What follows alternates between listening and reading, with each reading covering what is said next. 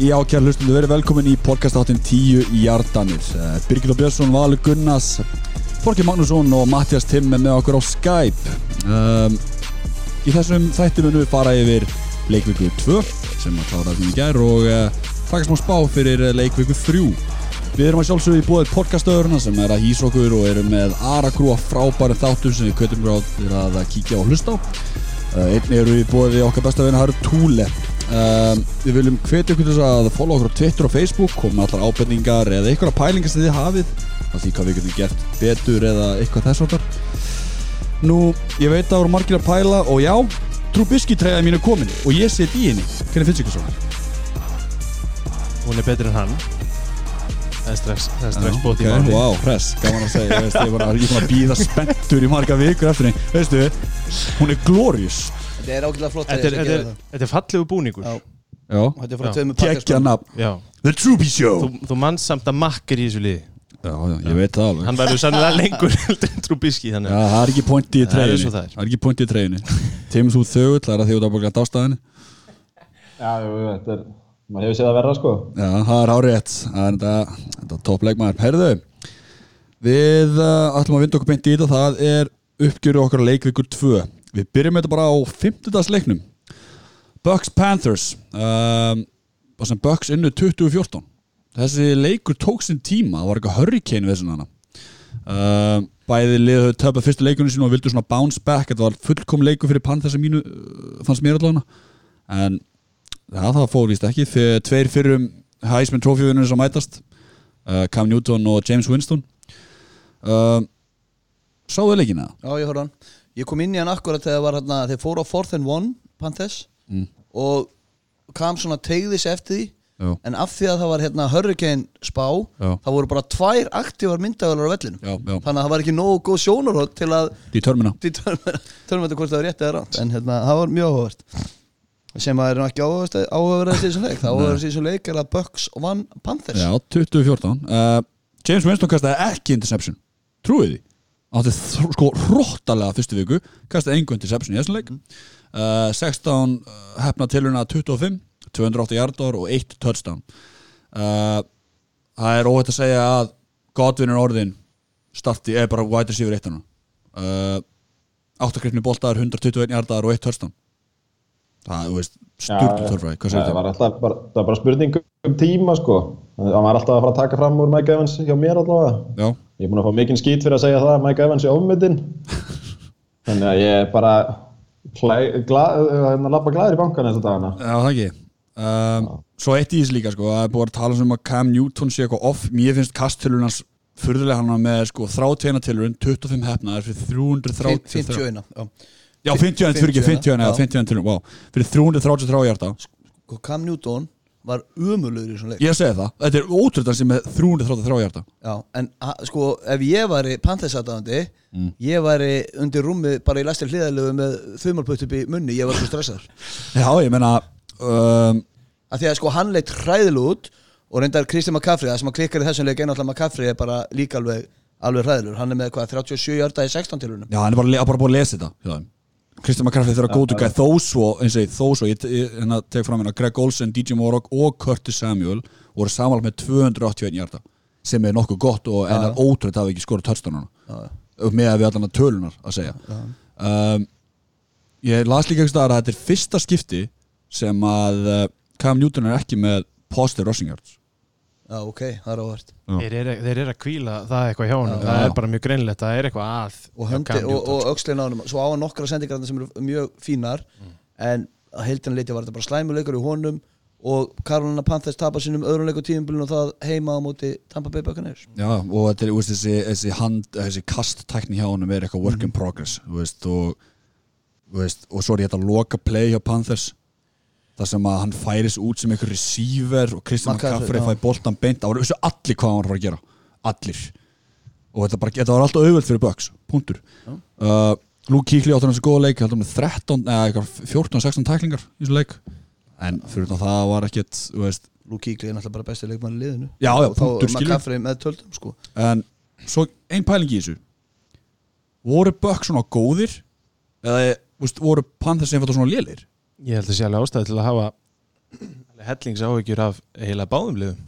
Svona með það sem við sáum frá Winston og fjölugum í, í fyrstu umferðinni og svo vinna og, og Panthers í vandræðum þá og vandræðum aftur núna uh, Panthers líta skjálfilega út og, og ég veit ekki, við vorum að drulla svoleiðis yfir Winston þetta eru bara tvö lið sem ég veit ekkert hvar ég hef eitthvað neginn á þessum tíma. Ég er svo miklu meira áhyggjur af Panthers að þetta var miklu meira lið sem var byggt upp. já, já, man, James Winston var alltaf svona maybe með Bruce Arians sem fyrsta ári, hvað var að fara að gerast. Mm. en það var alltaf að tala um með hérna, Panthers bara, hvað, þetta, they're, they're going for it þeir eru með liðið, þeir eru bara að keira á þetta. Já, en ég menna, þú veist þú svo sást saman leik og ég var alveg Mhm. að Cam Newton var bara way off. Þetta var vandræðilegt og svo mætir hann Gömur rúsnesk bónda Ég sagði amma. það, þér, af hverju er hann ekki með sér sko winning close og losing close Þannig að ef hann tapar þá mætir hann bara í gallabuxum og ból já, hann er alltaf bara verið nakin eftir þennan. Þetta er eins og eitthvað ef, að- ef að Cam Newton vil sjokka okkur með klæðaböru núna þá mætir hann í gallabuxum og ból þá er þetta bara að býta hvað hann að gera? Hann er búin að tapa átta leikjum í röð sem byrjulismæður Já, Átta leikjum, þetta er Cam Newton. Já. Ég er átta leikir með röð, ekki? Hæ? Þetta er á hann átta leikir í röð núna, já. Jú, átta leikir í röð. Jú. ég veit sér alveg ástæð til að hafa massívar áhyggjur af, af, af Panthers. Ég var einmitt að spá svolítið með Cam Newton út af því að hann er náttúrulega búinn að spila eins og running back allar sem feril og þeir hafa náttúrulega stittri líftíma í dildinni heldur en kortibakkar almennt sem að standa bara á að kasta. Sko, ef við horfum á hann eins og bara var í þessum leik og við erum búin að tala um kasttilraunina hans umulegar og lítur bara illa út og hann er meittur í dag, segja þeir, hann æfiði ekki í dag og verðist ekki vera að fara að spila um helgina. Já, Hann er á næst síðast ára samning já, þetta ár. Já. Eftir þetta ár geta ég kötta hann og borga bara 2 miljónir í dead cap. Já, Gæti þetta bara verið síðast ári hans? Þeir bara, veist, við þórum þessu ekki lengur. það er náttúrulega fyrir eftir hvað hann er heill núna Ef hann er bara meittur og þið sjá fram á að hann verði heill eitthvað á næstunni þá er helviti erfitt að finna góðan veist, við bara við sjáum hvað liður alltaf að reyna að finna góða QB og þú ef þú ert með Cam Newton og hann er heill og þá myndi maður nú kannski ekki alveg afskrifa hann. Hann hlýtur bara að vera ennþá eitthvað já. skiljið mig, þú veist að það er svo erfitt að finna franchise quarterback í deildinni svo við þekkjum. Þannig að ert að fara að henda Cam Newton? Það eru liðið í deildinni sem myndu glöpi eitthvað Cam Newton Já. eða já, ætla 100%, skólanum út sko. 100%. Herru, færum okkur þessu og sjáum hvað gerist í komandi framtíð. Það eru sunnundarsleikinir uh, Cardinals Ravens Ravens voru heimaðurlegana uh, Ravens 23, Cardinals 17 Valur, þú varst eitthvað þessu ekki? Ég horfði hans á þennan leik. Þetta var hérna, því að ég var svolítið spenntur fyrir hérna Lamar Jackson og, og Hollywood Brown og, og, og bara eiginlega reyfins liðinu, skal við ekki það. En hérna, þetta var svolítið skrítið leikur. Maður hafði á tilfinningunni að Cardinals úst, hafði ald, ég hafði aldrei á tilfinningunni að reyfins myndi tapa þessum leik. Nei, svolítið ekki. En samt þegar að fjórum myndi voru eftir þá var 6 stegar munur fyrir reyfins og Cardinals með boltan En það er bara einhvern veginn svona ára yfir Cardinals liðinu og Lamar Jackson hann lítur rosalega vel út og hérna og ekki bara í svona hlaupaleik þó að í að þessum leik var hann með 120 hjarta að hérna þá er bara kast reyfingin hans, uh, ákvörðunataka og hann virðist vera að koma með vopn í Mark, Mark Andrew, Andrews, heitir hann það ekki? Jú, og, hérna, og, og Hollywood Brown. Já, ég meina á líka Mark Ingram hann auðvitað backfieldin til örgis og, Já, ég, já ég, þú veist, en ég er að tala um svona til að henda og, og, og hann er að nýta sér það. Og ég minni þessum leikara með sko 272 hjarta, 2 touchdown og 120 rushing yards. Já, já. og það gerir hann að mínum túlega leikmanni vikunar en hérna, eins, en öllu kannast eftir þá hérna bara lítuði nokkuð vel út í þessu og ég var eitthvað að ræða þetta við, við sko Tim held ég og við spila ógeðslega vel á þá en þeir eru náttúrulega búin að spila á móti Dolphins og, og Cardinals. Já. en hvað er eitthvað að teka þetta? Sko, þessi Dolphins-leikur var bara æfingarleikur Það er vitamál. En á sama tíma Þá er hann Mér finnst Maður sér eitthvað í Lama Jackson Sem bara Sem öskra MVP Ég veit þetta bara annar leikur Ég veit það. En hann er samt að sína veist, hann hann- Allir boltar sem hann kastar eru dimes. Þetta er bara right on the money. Bara boltin er akkur það sem hann á að vera Fyrir leikmann til að grípa uh, hann, er, hann er svona, þú veist þessi threat quarterback skilur Þú veist aldrei hvort hann fara að hlaupa eða ekki. Og pluss það þarf hann með Mark Ingram fyrir aftast að getur tekið boltan strax með sér. Hann er, að, hann er að hlaupa meira heldur en allir hinnir fyrir ekki, ekki allir hinnir running bakkandir heldur running bakkandir í liðinu samtals í þessum leik þeir eru að hlaupa 47, 11 og 4 hjarta hann er með 120 og hann hljópa ekki neitt á móti Dolphins, ég tek það fram aftur. Þannig að þeir eru að vinna, ok, Dolphins get ekki blöta skít í bröði, en þeir eru samt að vinna leiki án þess að hann hlaupi og svo þarf hann bara að hlaupa yfir lið, það er geggjað. Býta þess blöytan skít í brauð og, og þú náttúrulega getur bara unni liðið sem fyrir fram að eins og settir það er nákvæmlega í spakmæli Matti, hvað segir þú? Já, ég veist, ég nenni ekkert að ræða þetta reyfinslið neitt meira, þetta er mest hæpaða lið í dag. Mér langaði bara svona að spyrja ykkur út í hvað ykkur fannst, þeir sem ég horfið á ánanleik, um ákvörðum Kingsbury að sparka þrísvar á fourth and one, fourth and goal og fourth and goal og alltaf inn fyrir 5 hjarta línuna, sko. Já, Og þeir, og, þú veist, og, og þegar hann náði þriðja fíldgólnu þá var staðan 17-9 fyrir Ravens. Já, ég veit að, ég, sko, sko Murray, ég ætlaði að mynda að tala eins um hérna kardansliðið, að því mér finnst þeir ekkert lítið ill út. Murray er bara flottur og þeir eru með hérna Christian Kirk og Larry Fitzgerald sem eru báðið með yfir 100 hjarta og þeir líta mjög vel út. Og Larry Fitzgerald, ég skal viðkenni, ég er búin að afskrifa hann held ég tvisvar, hann lítur bara ótrúlega vel út ennþá og þessi Kirk virka góður. En þegar þeir fóru í Redsonið þá var greinilegt að, að honum leið ekki eins vel honum Murray og þá fór svona aðeins að þrengja strammin eins og gerist í Redsonu að þvílitunum til skil ég að, þú veist, skil ég að hann, að hann sparkar af því að David Johnson var líka mittur í þessum leik hann, Já. hann er ekki heill og þegar hann er ekki heill þá ertu ekki með premium hlaupar til að hlaupa þetta og rookie quarterback þannig ég skil það að mörgu leiti en ég, en, en ég skil líka þá sem að skilja það ekki já, meina? já. Uh, ég, ætla, ég var akkur, alltaf akkur að nefna það að David Johnson alltaf mittist hann á hvað úlið eða eitthvað, eða eitthvað álíka kom svo, aft, kom svo aftur inn. Já, nákvæmlega. Skoraði touchdown en uh, kannski að lókum ef að Tim ekkert að bæta en mér líst ágætla á þetta kartinarslið og þeir þurfa að bæta þessi sóknarlínuna og þá getur þetta lið kannski gert eitthvað eitthvað tíman ég ætla bara að það er svona stærsta hrósa sem við getum henda á þetta kartinarslið sko. hann er alltaf geggja ef þeir- ef þeir enda með, með quarterback og góðan vætri sífer Já, já. Það er bara geðveikt sko. Um, Staðfest Ravensunu 23-17 uh, Höldum áfram í uh, Cowboys Redskins 31-21 Já, ég tók þennan leik fyrir okkur og hérna, mér langar bara að spyrja ykkur, bara svona reynd út, er Dak top 5 quarterback í dag?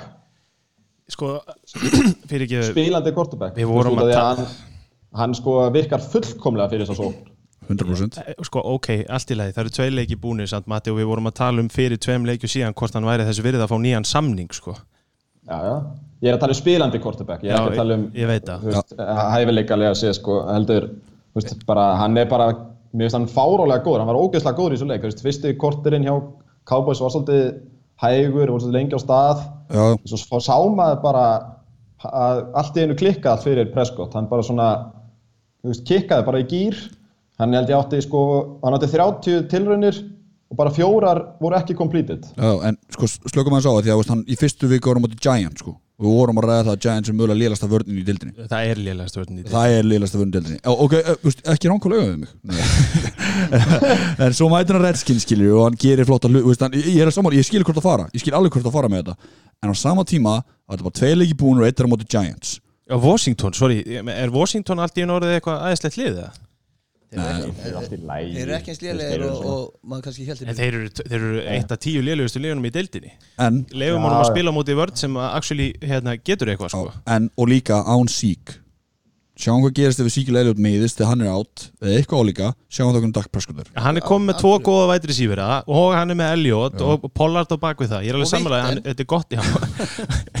og öryggisteppið er komið aftur. Já, já, en ég bara segja er, við þurfum að sjá hann samt undir alveg pressu skiljur það sem hann máti A, góður vörn og án sík Ég er alveg samanlega, hann er að spila hrikalega vel en, en ég var alveg til að sjá hann spila ég væri til að sjá hann undir massa pressu af því hann líka á bakvið geggjaða sóknarlínu þannig að ég væri til að sjá aðeins svona þrýst á hann sko. já, samanlega Tim, viltu Ég bæta ykkur við það? ég ætla að segja saman Tim, mér finnst það svolítið ósangjart því að veist. þið voruð að tala um Lamar Jackson sem einhvern MVP og hann er búinn að mæta tömmu verri liðum. já, já, já, já, hann er alltaf svona öðru ári skiljur Hann er Nei, svona kannski meira að koma með hann á óvart og sko. Dak spila náttúrulega bara fyrir aftan sóklunin sem hann hefur og með runnibackin sem hann hefur og með vopnin sem hann hefur Já, já, við erum ekkert að drulli við Dak þannig séð, við erum bara að segja Ég væri bara Við að sjá meira- frá hann áður en ég kalla hann top 5 quarterback í deildinni Já. sko. já, já, ég, ég, Spilandi akkurat núna. Ég ætla ekki að láta snúa þessu eitthvað svona. ok, ok um, Adrian Peterson sko, ég, skrifa hérna hjá mér, þú veist, ef að Redskins myndi spila bara fyrriháleik í öllum leikjum, þá væri þetta playoff-lið. Því að í setnáleik þá drullar alltaf upp á bakk. Já En meina, Eh? Þú veist, ég hef ekkert mikið meira um þetta að segja. Mér finnst bara, er ekki Kellen Moron líklegasti koordinatorinn í NFL til að fá headcoaching starf í lok ás? Jú, ég held er hann verði bara ég sagði það síðast, ég held hann verði bara þjálfari Dallas bara eftir tvö ár sko. eitt ár Já, það var næsta ári, akkur ekki? Já, við, við erum á því, ok. Uh, Mér varst Adrian Peterson líta vel út og þeir hlóðaði mér eftir þessu. Nei, ég, ég, bara ekki.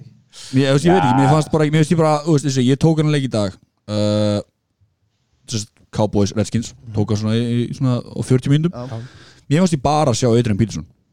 Þú veist, það, veist, það er ábúinlega bara ég er því að ég er ábúinlega ímyndum mér, er það ekki Uh, Hvernig voru uh, ok, wow, 10 tilurni 25 hjartar eitt, þegar skiljur, ég bara að segja mér fannst það vera út um allt annað Já, ég, er bara að spyrja, ég, ég vissi það ekki Ég er ekki að skjóta ok, það ok, ok. Okay. Ég er me mega Adrian Peterson fan og drullaði yfir þetta um daginn en skildi bara ekki komast í hópa því að Darius Skæs átti bara að vera aðal maðurinn Það er fáránlegt að vera með svona leikmann utan hóps þannig að Adrian Peterson getur alveg hjálpað þessu lið alveg helling sko. Já. Svo vorum við alltaf, vorum við ekki, vorum að ræða Þetta á er hann mega impressið hann að við náðu tveim og hálfum hjarta og attempt Ég var að sjá hann, hann var alltaf í tíu Hann fór alltaf svo stutt í Hérna, erum við, erum við ekki samt alveg á Case Keenum vagnum með Jú, það er vannmöndin Já. Kortebæk það?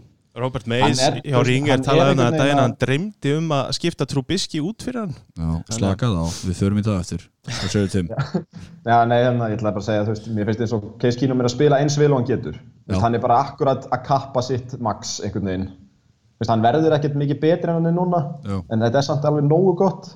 Já, Já, ég meina, við getum bara hort á lið í NSC North sem að myndi alveg kvitta fyrir það held ég núna, sko, en við kannski tölum það betur eftir. Hann spilaði náttúrulega mjög vel hjá Vikings Ég er að segja það, ja, en hérna- En, en 31-21 sigur Cowboys og eru þeir ekki bara on track og þeir bara líta rosalega vel út akkur núna? Þeir eru hörkulegir sammála því. Og þeir, þeir voru að spáðum alveg geggjuðu gengja Já, á þessu tímubili þannig að já, já. sína það núna. Uh, Bullandi séns og að taka hennar riðil. Michael Gallup með þessins leik, hann er átt í ykkur 2-4 vikur. Þannig að það verður blótaka fyrir uh, Cowboys og leta bara á vittin meira, einmitt. Það er bara kopparinn Herðu, uh, næst leiku Colts Titans uh, Colts unnu 1917 um, Ég ætla bara að byrja á einu spurningu Eru Colts vannmennast hlauparlið í ára? Með Marlon Mack? Stór spurning maður Eða, þú veist, er það að tala um vannmettnasta bara? Já, bara vannmennast þá Ég, ég hef ekki svar, þú veist, eitthvað betra fyrir þig. Jú, jú, Marlon Mack er góður, sko, og þetta, hann að Vilkins náði einhverjum hellingsjörnum í fáum. Já, ég líka bara, ég líka bara að tala með þess að sóknarlínu sko. Já, þessi sóknlína Já, þú veist, þessi sóknarlína er geggjuð, sko. Þú veist, hún er alveg mun betri en einhvern veginn, hún fær, veist, umtalið Já. um sig. Já um, En er ekki aðalmáli úr þessum leik að Viniteri klikkar á tveimur ekstra pointum Já, og hann, hann er, það er ykkur fréttamaður sem að spyr hann eftir hérna leik hvort hann megi fá hann í viðtal, hann er að hoppa upp í rútu eða eitthvað og hann stoppar og segir, herru, nei, ég, ég tala um okkar á morgun þá segir hann, en við hittum ekkert á morgun. Þá segir hann, jú, þið munu hittum á morgun. Eins og hann væri bara að fara að leggja skona á hilluna. En svo Já, hefur engin já. en, svo er búið að gefa hann stöðningsilýsingu Já. uh, Ég er bara, sko, koltsliðið er bara það vel uppbyggt bara allt liðið, þetta er svona eitt af fáum liðum í deildinni í raun og veru sem er allt það gott að það þólir að missa, að sko, þólir náttúrulega ekki að missa lökk, en þeir þóla það upp á það að gera. Þeir verði ekki alveg hörmulegir eins og söm lið þegar að kostibakinn dættur út. Það er reyndar eitt í þessu sem ég tók eftir Það er hérna Tók eftir þegar að Þetta quarterbacks nýjó Kobe Brissett í fjóruleikluta Þú veist, það er, það er sérst bara fourth and one.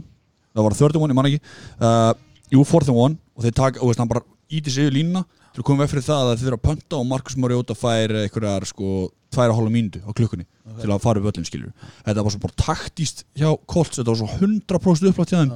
Hvernig gerði þetta?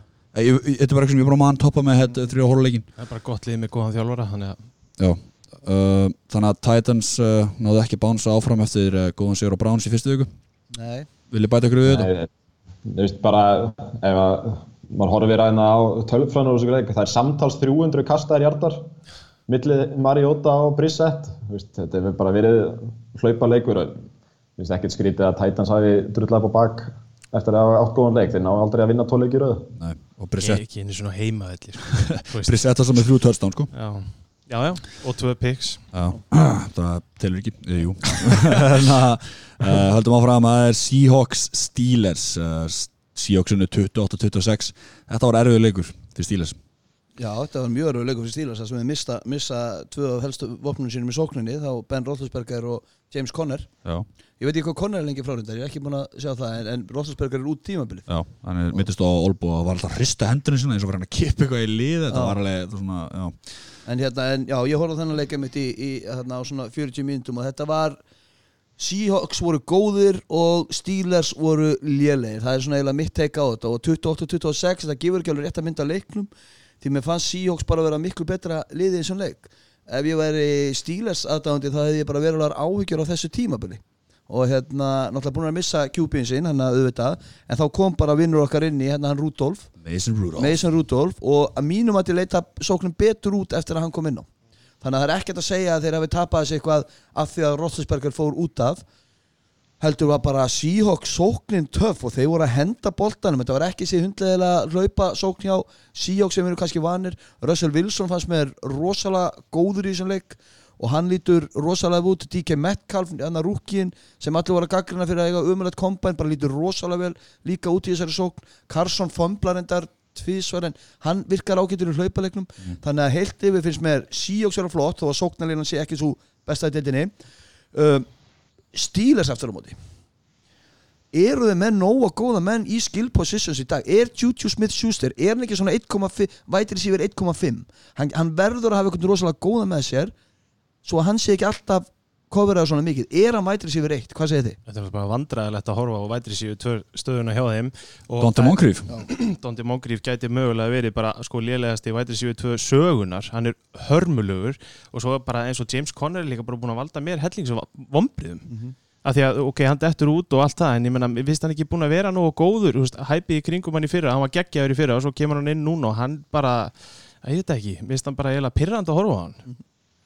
Já, ég, mér, sko, mér veist Juju geggjaður og hann er alveg vætir sér eitt talent, hann er náttúrulega bara nýjórinn 22 ára eða eitthvað. Og hann þarf bara einhvern svona, hann þarf engan geggjaðan hliðin á sér, hann þarf bara einhvern sem er tilbúin til að taka hitt spotti því að Moncrief hefur náttúrulega búin að droppa einhverju fimm boltum á leiktíðinni. Uh, og jú, jú, ég reyndar ekkert átta mig alveg á því hvað er í gangi með Conner, hann meðist náttúrulega en En er ekki vætir sér eitt, ert bara góður vætir sér eitt þá verður þú líka að vera þannig að þú ert með lélegan með þér að þú verður ekki að losa því með eins og Antonio Brown það skipti einhver máli hverja með honum, hann var alltaf með sína 100 pluss hjarta og touchdown líka við skilju hvað að menna Já. Já, hann er náttúrulega með eitthvað 84 hjarta í 5 gripum hann. Mm -hmm. en þú veist þessu, það, það, er það er ekki hægt alveg að taka hann að leik finnst mér svona, þú veist, Mason Rudolph kemur hann inn og er náttúrulega ekki alltaf á sömu blaðsíðinni það var eins og til dæmis við tölum um mjög gláð eftir seinsleikin, eins og Teddy Bridgewater aldrei spila fókbóltaður en Rudolf lúk alveg allt í lagi. En svo bara svo við, fyrst við erum hérna að tala um stílers þá getum við náttúrulega minnst að þeir treytu í, hvað var það, gæðir eða dag? Í dag. Minka hérna, Fitzpatrick. Minka Fitzpatrick, The Snake. Ég ég ætla að fá að spyrja einu hérna með Fitzpatrick treytið, af því ég er svolítið hrifin að þessu fyrir Dolphins að vissu leiti Ok, viltu, viltu taka þetta núna eller taka þetta eftir? Ég ætla bara að taka þetta núna því við erum búin að nefna ég en ekki að gera þetta þeir eru að taka þeir eru að taka Fitzpatrick fyrir stílis og það er allt gott að blessa nema að þið eru ekki með kortebakkin ykkar. Og við getum kannski farið yfir þá eftir hvort að þetta sé bara það síðasta sem við sjáum á Róðleisberger það getur alveg verið þó að hann segir að, að það sé ekki svo. Ef að Rudolf meiðist og þetta lið fer á hliðina þá er Dolphins allt í hennu komið með hvað, top 7 pick mögulega? Top 5 pick ef það fer allt í skít hjá stílis þá er þetta geggja treyt fyrir Dolphins. Þá er það komið með annað pick á toppnum í draftinu á næst ári mm. þá eru þið bara hvaða kortibak langar ykkur í? Og þá hlýtur maður að spyrja, myndu þið taka Fitzpatrick í topp 7 í draftinu? Já, nákvæmlega, og ég líka Steelers var í svona pínu lökk stöðu fyrir mér þegar að Colts taka lökk 2012 þegar að Rothlisberger hérna, dettu bara út. Já. þeir eru í byllandi stöðu að ná sér þá bara í nýja bakkup í rauninu bara svipa á Chiefs gera þegar að taka maður Holmes segjum að Rothlisberger komi inn á næsta tífumbili aftur að taka einn af þessum topp kortebökkum í draftinu eða þeir eru með gott pikk og, og, og skila sér áfram í framtíðina. Þeir verða aldrei að blíðilegur og Colts voru þar eða ég, ég, held, nei, nei, en, ég hef alveg trúið að Steelers gerir eitthvað. Þetta er, þetta er freaking Pittsburgh Steelers sko. Þeir treytuðu frá sér hinu korteböknum sem var eitthvað von í. Dobbs? Já. Þeir, Hann átti að hann ekki verið kortebökk 2, Rudolf 3 Næ, ég veit ekki Nei, nei, Rúdolf var alltaf nummer 2 Var Rúdolf 2, ok, sorry. En ég veit ekki, mér finnst þeir í skýta stöðu ef að þeir missa Rúdolf út líka sko. Það er náttúrulega, það segir sjálf náttúrulega að þú missir náttúrulega QB1 og svo QB2 þá ertu komin í þvílít vesen sko, mm -hmm. bara horror jets. Við tökum það, við tökum það eftir. Hérna, meðs Rúdolf nei, hérna, Rúdolf átti góðan leiksnansmaður 112 hjartar, 2 touchdown og 1 interception. Hvað þetta um? Já, ég ætla, sko, þú veist, það er bara svo fyndið að pæla í þessu treyti. Þetta sýnir bara hvað Dolphins finnst um Rudolf og hvað Steelers finnst um Rudolf nema að skoðunin er bara algjörlega á móti hver annari, sko. Veist, Steelers greinilega hérna, hafa eitthvað trú á Rudolf og þess að tíma er þessu, út af því að þeir halda að þeir geti gert eitthvað og meðan að Dolphins halda geti ekki neitt og þetta sé hátt pikk. Mm. Það er bara, fyndið að þess að pæla í þessu þannig og svo er bara ef við horfum á peningana í þessu máli, þetta eru 5 miljónir yfir þrjú ár fyrir Fitzpatrick það er rosalegt. Vist, mm -hmm. þú veist, eh, Dolphins er að borga ég, 7 miljónir í bónusa yfir þessi þrjú ár og, og Steelers 5 miljónir í launakostnaða mm -hmm. bara svona eh, til að vera aðeins og nördalegur og láta bróka mig. Já, já, já, akkurat. Herre, um, bara, bara Steelers bara stressframöndan Puntur Já, ég held að Ég held að ef, ef, ef, ef við erum að tala um Steelers í vandræðum að þeir eru ekki með vætri 7-2 þegar Róðlisberger er þar þá hef ég stórfældar á að gera Steelers með Mason Rudolph og engan vætri sífira En við skulum ekki taka Seahawks að þeir eru bara lítið vel út Já, ég ætla að mynda miklu betur út en ég held ég myndi lítið út Og sjátt á til Pete Carroll sem að hérna, að því veit hann hlustar á þáttinn uh, Fourth and one, gáttu bara klára leikin og í staðin fyrir að pönta þá fer hann á fourth and one og klára leikin Alveg böllur og kallinu. Herðu, höldum áfram. Proper leikur Bills Giants 28-14 Choo-choo, let's go baby. Sko, Josh Allen Bills að vinna fleiri leiki í New York heldur en Jets og Giants til samans í ár. Já. Það skilur, er ég mér að það er bara mikilvæg punktur skilur Á, á einum ákveðnum velli eða ekki líka? Já, ég segi það á Metla Stadium. Um, Eftir erfiðan leiki á Josh Allen síðstöku á móti Jets þess að hann kastaði tveim interceptions þá uh, mætti hann, jú, til leiks á móti Giants þrátti tilurinu 19 hefnar 253 hjartar og 1 touchdown og 1 rushing touchdown. Góða gestir. Um, eitt sem er líka svona áherslu að nefna að það fengur allir nóg að gera í bilsókninu það fengur 8 leikmenn boltan for Josh Allen í þessum leik. Um, Devin Singletary átti góðan leik Frank Gore enda var svona þeirra þeirra er að vinna hestur í löpuleiknum ég skil ekki það Frank Gore dæmi ég skil þetta ekki ég veit, ég veit alveg að þú ert á vagninu Kalli. Ég veit alveg, ég, ég bara fatt ekki. Ég er ekkert endilega á vagninum. Ég finnst bara Singletary er svona minni gæi og svona uh, fíngerðari típa. Fínt, Frank Gore vill ennþá spila fyrir ekki raskat. Bara leifa honum að hlaupa eins og mögulega getur og, og, og Singletary kemur svo inn á milli og, og brítur niður hérna vartindarhjóliðum ég er alveg, alveg þetta er svín virka hjá þeim í þessum leik, akkur ekki. Og Ed Oliver er bara, veist, því líka maskín á þessum velli. Mm. hann var, fengur í hvað, ég hef ekki náttúrulega sjö óvara plek Nei, átta held ég. Ég hef fann að halda að það er bara stíl sko. Þessi bilsvörn er um geggjuð. sko. Ég hef búin að tala um það heilengi bilsvörnin er ógíslega góð Já.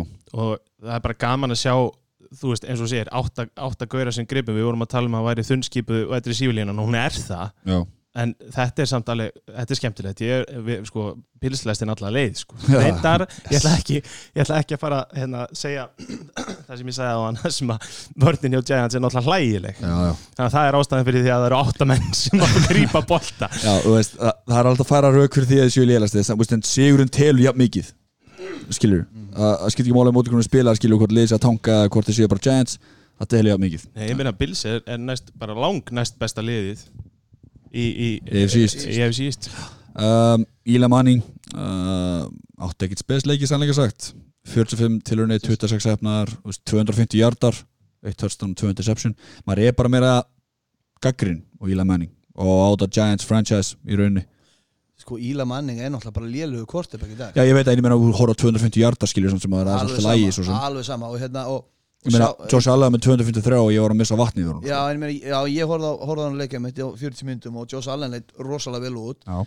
en eins og Kalli segir, maður veit ekki hvað maður getur tekið út úr Giants leikja með þetta maður veit það ekki. Nei, þú veist, getur við að hætta að tala um Milan Manning? Hann er orðin backupin, sko. Já. þeir eru búin að tilkynna það að Daniel Jones Ég ætla akkur að koma inn á þá. Og Daniel Jones starta næsta leik. Þannig að það er bara endofinera og bara velkomin DJ Ég hef stórfældar áhugjur og honum alltaf líka. Þetta liði er bara svo stjartfræðilega liðlegt Það verður alltaf smá gaman að horfa á þegar Daniel Jones fyrir Vætri sér eitt hjá þeim nú bara í, í leikbanni hann er Það hjálpaði þeim ekki heldur sko.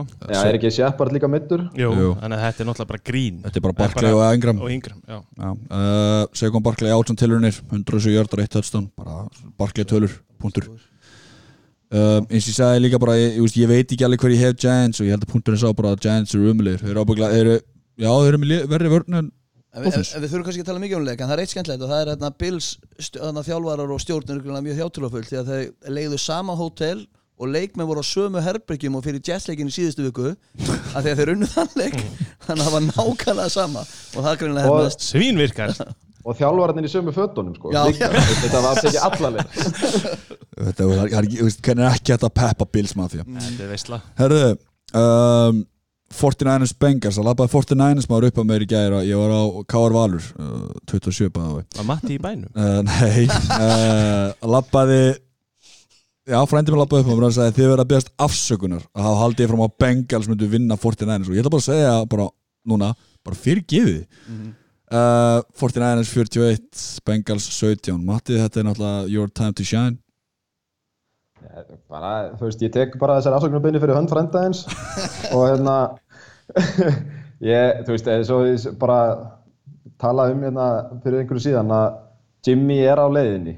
Veist, þetta er hægt og rólega að koma. Veist, hann lukkaði vel í þessu leik smá rösti en var samt miklu betri enn í viku 1 og hann verist þurfa eitthvað svona smá pep og það er að koma en sko, þið talið um Túli leikmann vikunar, ég ætla bara að taka Túli mann vikunar og, og gefa Kyle Shanahan þann titil.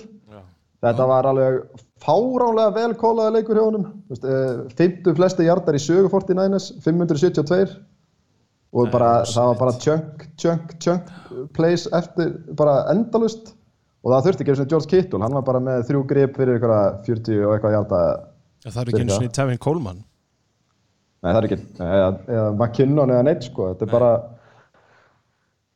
hann hérna, séðan hann er ekki trefin að því að vera bara með eitt gaur nema eins og í fyrra á þurftan með Kittul sem þann gaur, því hinn voru bara svo lélegir. En uh, Debo Samuel var eiginlega bara besti væti sífurinn, ég kemur ekkert óvart að hann myndi svona koma fram sem aðal væti sífur liðsins. Ég held að 49ers sé svona liði sem enginn er að tala um og þeir muni lifa á því bara eitthvað framöndu mitt tímabila því að þeir eru bara miklu, miklu betri en ég held að þeir væru. Það var ástæðan fyrir því að ég gaf Bengal sensi í þessu leik, það var vegna þess að ég held bara að Tampa Bay væri eitt lélægasta liði í dildinni þú veist, þannig að maður var eitthvað bara svona þú veist, Bengal segja alveg sensi í 49ers, why not? En það er bara greinilega ekki þannig, það er bara nokkuð ljóst. Þannig að það hype was real til síðasta leika Bengals það var eitthvað á móti Seahawks, það var eitthvað annað hjá okkur. Fyrirgeðu, við erum búin að spila sáskona Já, við erum ekkert einu sko. Það litum mjög vel út á. Um, Já, en þú veist, eins og já, ég, bara, bara til að halda áfram í punkti sem hjá Kalla, sko, þú veist, það er hæp í kringum Ravens, þeir eru búin að keppa móti Dolphins og Cardinals, það er það vantar einhvern á hennan 49ers vagn. Verð þú bara á honum, ég kem það í er alveg- 7. 8. alveg- ferð Sáttur hérna til að vera svona fljúa undir þau reytar, sko, með þetta. En, en, er, en það sem að kannski átti svolítið að fokka ykkur er að þið náttúrulega eru með Seahawks og Rams í riðli Hefur ekkert ágjörð Já, því menn. Þú veist, þið, þið spilir fjóra leiki við Seahawks og Rams 2 og 2 Það verður svolítið að því að ég meina, eins, og, eins og er að spila núna þá bara séum maður playoff-lið í Niners, þetta ekki sammála því jú, jú, klárlega. En bara, maður horfir bara á NFC bara í hildina, þá er þetta, þú veist, eins og Brís er farin út núna einhver tíma, þú veist, það er alltaf að verða svona pínu skýrara og það gæti alveg verið að það fari þrjúlið upp úr NFC West, bara svona, þú veist, það hefur alveg gæst áður að, Hefur það gerst aður, já. að þrjúlið að fara upp á sama reyðlunum, já, ég held að, en að AFC North hafi einhver tíman tróðið hann að þrimmuliðum, Já, já. En já, já, bara vörnin hjá Fortinans var geggjuð, varnin hann flott og Kvon Alexander búin að vera svakalegur þess að fimm leikluta sem hann er búin að fá að spila, hann er alltaf reikin út af öðru leikluta í síðasta leik. já.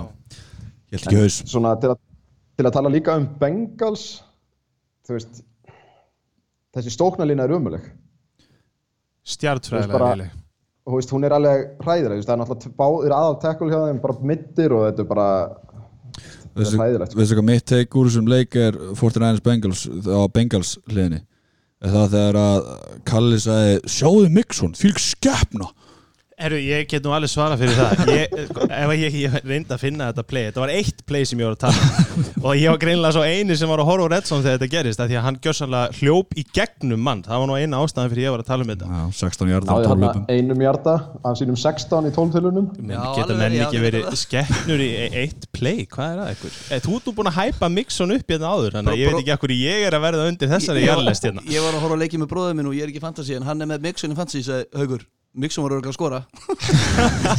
Sá hann einu hjarta Úf, maður. Já, en, en hérna, Bengals litu ekki vel út og meðan að Niners litu frábæli út.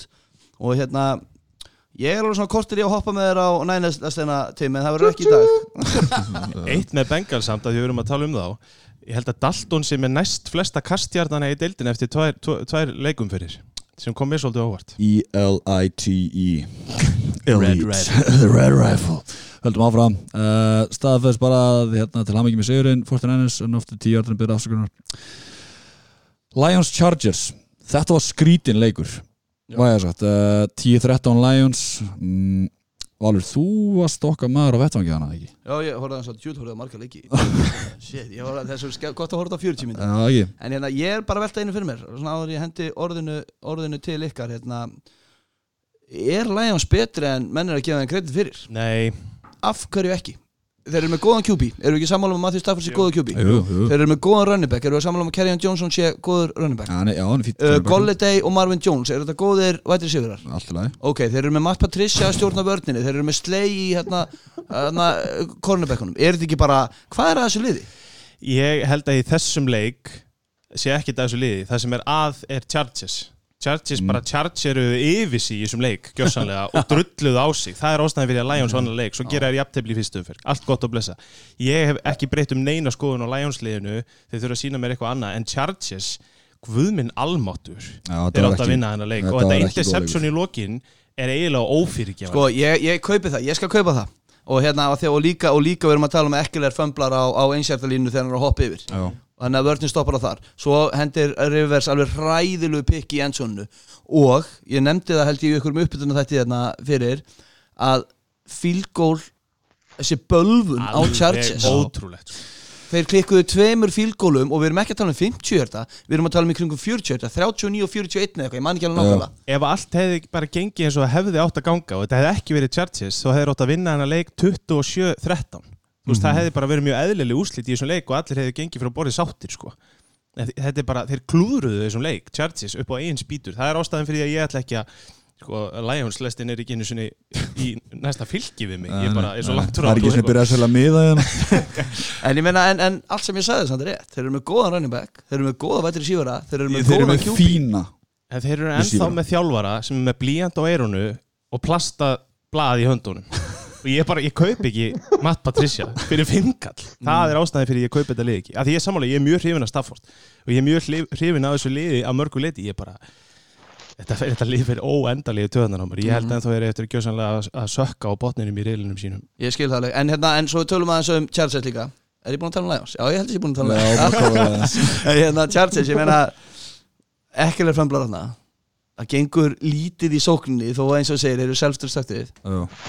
En Við erum ekki komin okkur aðra Gordon skoðunni það Nei, Nei. er það ekki, mér finnst ekki ennþá það góður. Ég bara er á þeirri skoðan með þetta og Jú, ég, meina, ég er ekki að segja að Melvin Gordon get ekki hjálpað þessu liði ef, en ég held að sé, borgi sér ekki sérstaklega fyrir það og gera einhvern skrýmsla samning við hann til að reyna að bjarga tímbilinu. Það er svo margt annað að sóknarlíðan hann jáði með léleg. Þetta er ömuleg ákvörðun að taka kikkarinn getur ekki hitt fílgóli til að bjarga lífi sínu. Þú veist, þetta er ekki þetta er, ekki, þetta er bara ekki hægt Hörru, færum okkur frá þessu leik Þetta er ekki, þessi, þessi leikur er ekki þess virði tíma Nei, en sem hún var- 10-13 sigur Lions sem eru, sem eru klúðri í síðasta leik frá því að vera 2-0 Já, Já, takk já, fyrir að punktur. seðlunum mínum líka takk, takk fyrir það. Úff. Herru, Vikings Packers uh, Vikings unnu Nei, Packers unnu 2016 Færum okkur frá þessu í næsta leik. Já, hérna, Þið tveir fá núna aðeins að blása. Hvað er hérna Hver vil byrja? Kalli, byrjuð þú, mér sér hún að tala alltaf mikið Ég ætla að vara að hlusta þau Það er eitthvað Pandoru box að opnast hérna sko. Nei, nei, alls ekki. Ég, hérna, ég hætti að, að horfa Ég var að horfa bara á þennan leik og ég hætti af Því ég var svo hrettur um að ég myndi jinxa okkur út úr þessu leik. Og ég ætla, að segja, ég ætla bara að hygglust að kalla þetta okkur og við og hægri vinstri. Já, já, bara go for it. Eh, Þetta sko, þetta leit svo ógislega vel út Til að byrja með, 21-0 Já, já, gerðu þetta. Byggi Og hérna Svo hrinur þetta bara og ég hef alveg áhyggjur af, af sóknarleginum með Pakkes, ég veit ekki hvað Valur segir en ég hef meiri áhyggjur af Kirk Cousins miklu meiri áhyggjur en, en, en hérna af, af Rodgers og félögum því að Kirk Cousins er bara guðminn almáttur að gera hana samning við hann núna og við erum að tala um samning við Dak Prescott. Ég skal lofa því Mattias að Dak Prescott er betri allavega heldur en Kirk Cousins fyrir mér. Hann er ekki top 5 playing quarterback. Nei, Kirk Cousins er hræðilegum hann enda með 44% hefna sendingar 230 hjarta, fömbla tvísvar og hendi í tvær hræðilegar interception. Skelvileg og meðal annars sem að bara kláraði leikin það sem voru á sko first and goal á 8 hjartalínunni og hann hendir í 50-50 bolta út í hotni á endsonu sem svona loppar og Kevin King er að intercepta. Ég er ekki alveg samanlægkali ég er, ég, hérna, en ég var enda komin í súból eftir fyrsta leikluta, ég við ekki um það. Já. og þegar við vorum 21 og lifir í byrjun annars og með þessa vörd þá hugsaði ég bara hm, þetta geti eitthvað gerst. Já. uh, svo hrundi allt í sókninni að máli segja það að vördin á Vikings vaknaði bara. Þetta er frábæð vörd og þeir vöknuðu og þeir fóru aðeins að lesa og svona. Rodgers var góður í þessum leik. Startið var ekki sérstætt en hann var með frábær köst og með örlítið hefni og á móti örlítið lélæri vörd þá vorum við að tala um túleikmann vikunar er ég nokkuð vissum En 0 stig í þrem síðustu leiklutunum mér er alveg sama hversu mikið og fallegu kostið eru. Þetta eru 0 stig ok, við getum alveg að tala um Patrick Mahomes og eftir sem skoraði 27 stig í einu leiklut og 0 stig í þremur og já, fjórum. ok, ok, stick to ok, sorry, sorry, sorry. En ok, ef við tölum um hérna vördin hjá Pakkas að hún lítur það hún lítur það vel út að sko eina sem að gerðist var að, að besti hlaupar í deildinni hann að Dalvin Cook hann á 75 hjarta touchdown og svo er einn 45 hjarta sending á Dix sem að er fyrir touchdowni annars gerðist ekki neitt. Nei.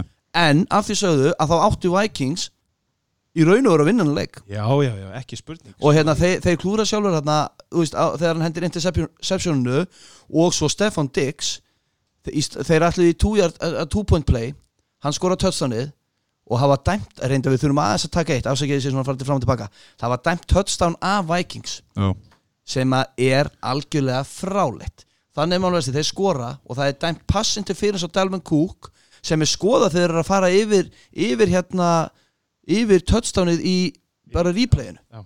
og það er engin að kvarta. Dalvin Cook fer blokkara mann ok, þannig að lagana bókstaf, bókstaf er þetta pass interference og þá var kallað aftur.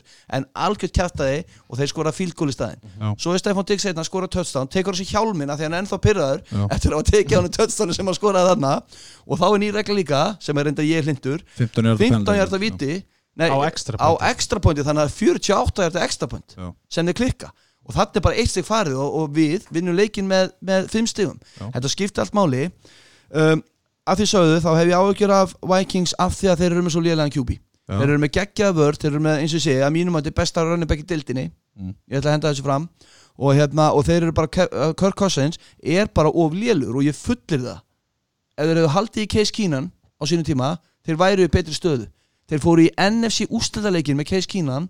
Þeir, eru- þeir eru að mínum að þetta ekki nálægt í með Kirk Cousins. Nei, nei. Það sem ég tek jákvæmt út úr þessu leik hlaupa leikurinn hjá Pakkas hann lifnaði örlítið við ég hafði svolítið ágjör af því og maður hafði ágjör af því fyrir tíumbili að hérna, hlaupa leikurinn er í vandræðum. Hann er stórskánaður og þeir sem eru með, með Jones, Aaron Jones í Fantasy taka stökki sérstaklega þegar maður sést á bíl á bekknum hjá öllum hann það er bara eins og það er. Ég, bara eitt í lokin, hann hefur klárum þetta hann hefur eins og ég segi, hann hefur rænt ekki of mikið.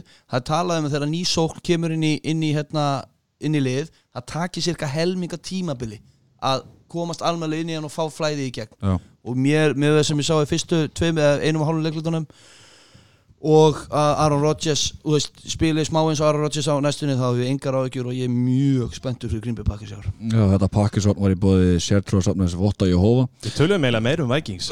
Já, já, ég veit það. En, ég, en að saman tíma, Sigurinn telur. Já, Skilur, þetta, það inn í enn þá er þetta bara bara auka hérna Æ, ég hef með geggjaðan hérna ég meina, svo líka, ég meina sko. uh, ég meina secondary á Packers þeir eru búin að drafti það síðustu ár. Alltaf Já. föst, fösta, það er bara orðið mjög gott núna. Ég er mjög spenntur. Færum okkur frá þessu um, Jaguars Texans, það eina sem ég ætla að nefna í þessum leik Jaguars Texans er að Jalen Ramsey og Doug Marone eru vildið uh, að búið komið ljós núna af hverju þeir eru, það er bara einfalda það að því að Jalen Ramsey er þreyttur af því að þurfa að bera upp sóknina hjá hérna, Jaguars. Og ég skil hann.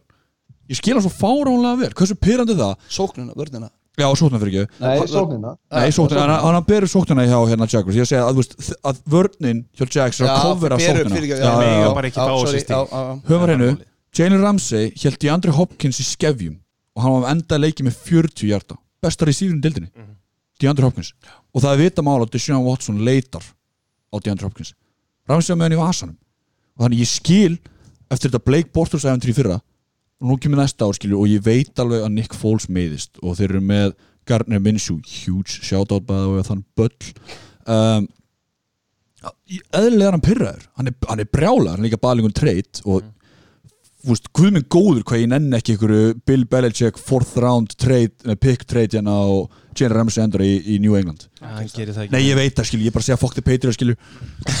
Hérna, sorry, ég er heitur að næsta leikur er, hann er námur upp, sko. Hérna hann, En hands down, Jalen Ramsey, besti cornerback í deildinni að bara spurning hver nennur hún. Ég held að sé, ég er ekkit vissum að hann sé að fara nýtt, ég held að þau eru bara að setja hann í íspa og kæluna eins niður að því að þeir áttu bullandi sens á að vinna hann að leik. Já, já, og þeir hefðu sannlega bara átt að gera það því að, að Texans get ekki hætt að flækjast fyrir sjálfur sér heldur. Og að leifa sér að fara svona með eh, gæða kortibakka eins og þeir eru með þetta er náttúrulega bara Watson greið við sögum þetta fyrir tímbili, hann er bara hlaupandi fyrir lífi sínu. Þetta er ekki hægt og á meðan þetta verður svona þá verða allir leikir í ykkur svona bulli, tveir leikir sem ég spila núna það sem er á, á, á síðustu sekundum einhvern veginn að- svona, hvað maður að segja? Að bara klára leiki og það er miklu meira til í þessu Texansliði heldur en það að þeir þurfa að vera í svona baróti eða sóknarlínan væri betri en ekki neitt þá bara væru þeir þú veist, þá hefur rústað þessum fyrstu tveim leikjum. Já uh, Gott að reyna að Deshaun Watson er búin að sakka fjórum að minnstakosti í röð. Þetta er ekki hægt um, Ég heyr líka bold prediction að, uh, veist, já, sem ég bold að uh, Deshaun Watson minna hætta í lók tímbils fórstu bólt í semi-bólt Já, ég veit ekki alveg, ég er svo bakka uh, Ég er svona bold hot eitthvað skilju Herru, færum okkur frá þessu Það sem að er byttu, byttu, byttu. ok, byttu, já. Hérna, ég ætla bara að ræða aðeins hennan leikin sko, ekki bara sem um, Ramsey dæmið. Í lokin, ég var brjálaður. Að, sko, okkar maður, Minsjú, leiðir liðið niður völlin og skorar hann að touchdown sem að er sem sagt, kemur liðinu í 12-13. Já, ógíslega vel gert hjá honum Þú veist, hann var bara hljóp þarna eins og, eins og hann hafði aldrei gert þetta annað og bara þvíleikur böllur. Þeir skora og hann ákveður þess að Dögmarón ekki að sparka heldur allar að taka hann að play því að Minsjú enn og heitur og allir í stuði. Alltaf sérst að vinna leikin, það er 13-12 og þeir að vinna leikin já. og það er bara, þetta er bara þarna klárast bara leikurinn annarkvort tapa þér eða vinna þér á þessu two point uh, playi. Við erum kortir frá því að fá bara Minshew Mania og hann lætur Fornett á boltan og hann bara er stö- stöffaður hann gleymir var- bara að tegja boltan yfir línuna, það var það sem gerðist. Já Já, þetta er svo heimskulegt, ég var brjálar ég var svo til í þetta Minshew æfintýri sko. en nei, En, takk já, staðarinn Texans töpu 12-13 Gráðlegt tap. Já, uh, Nei, Texans tapaði ekki heldur. Jaguars tapaði 12. Já, ég segi Jacks töpu fyrir ekki, sagði það ekki Já, það? Nei, Texans- nei, ekki. Sorry, Texans unnu, skipt ekki máli. Skiptir smá máli en alltaf næsti leikur. Patriots 43, Dolphins 0 uh, Kemur smá staðarinn frá mér. Uh, Í high, í, bara, í, há, úst, í high school í bandarækjunum eru meðatali 1.050.000 ytkendur frá árum 2009 til 2019 ekki sopnað álur, ég með það hérna. Í, á college leveli spila 82.000 manns bara á bara competitive level. Gefum okkur að 5-10% af þeim geta eitthvað á professional leveli. Hvernig má það vera að 53 aumingjar endur í Miami veist, ég, ég, ég bara spyr bara í alvegni af hverju þá að senda okkur í útlegð til Alaska, þú veist, við, erum- því við erum að fá sekt fyrir þetta. Þetta er sko, þetta er fál, við erum 102 10 í stegum eftir tvo leiki. Tvo, Þetta er sorglegt. Þetta þetta er bara, þetta er bara bull. þetta er bull, þú veist, við eigum að fá sekt sko. Getur einhver sagt mér hvað þurfti til að fá Brian Flores til að taka við þessu liði ég, það skil ég ekki. Af hverju er ekki Mike, bara Mike McCoy bara einhver trúður að þjálfa þetta lið? Af því að ég hef alveg pínu trú á Brian Flores, ég held að hann sé ekki glataði þjálfari. En þetta lið er bara ógeðslegt. Umulegt Ætli hann hafi vitað þetta?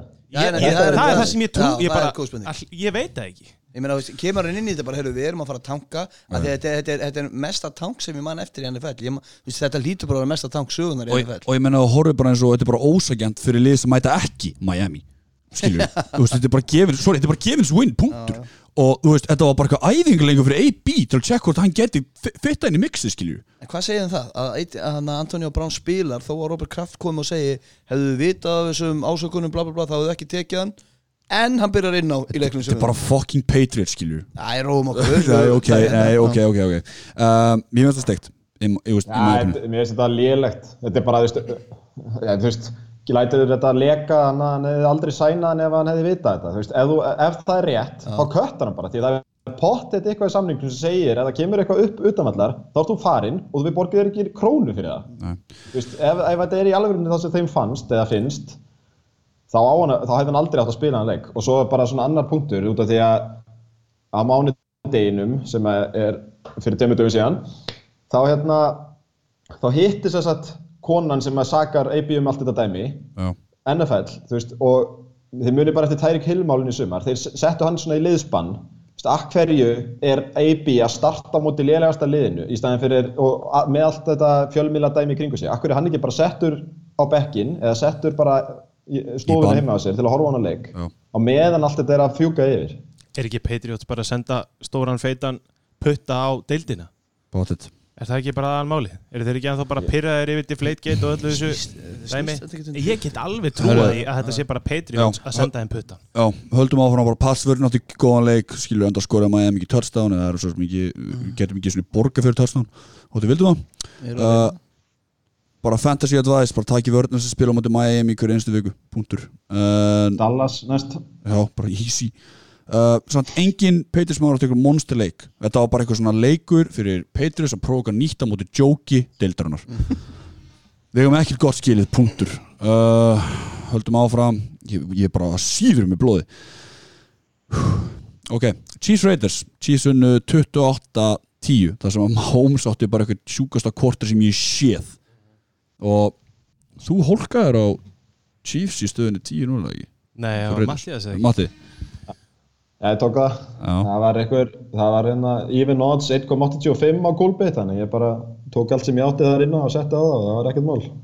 Bara Já, já, allan að allan að easy cash. Easy cash um, Eina sem er verðt að nefna er bara Chiefs áttu sturlaðan eða Mahomes áttu sturlaðan hálfleik Nei, hérna þetta. Við erum, bara, við erum bara komin á þá stað með þetta að- ég á félagi sem er Raiders fan og hann sagði bara Já, mér er bara ásættarægt að hafa bara tapað 28-10 fyrir Chiefs. Mm Þetta er bara komið á það stig að fólk er bara, já, já, þú veist, Já, reynir bara að halda þessu svona ásættalegu. Mahomes er að mínum að til langbæsti leikmaður í deildinni. Já.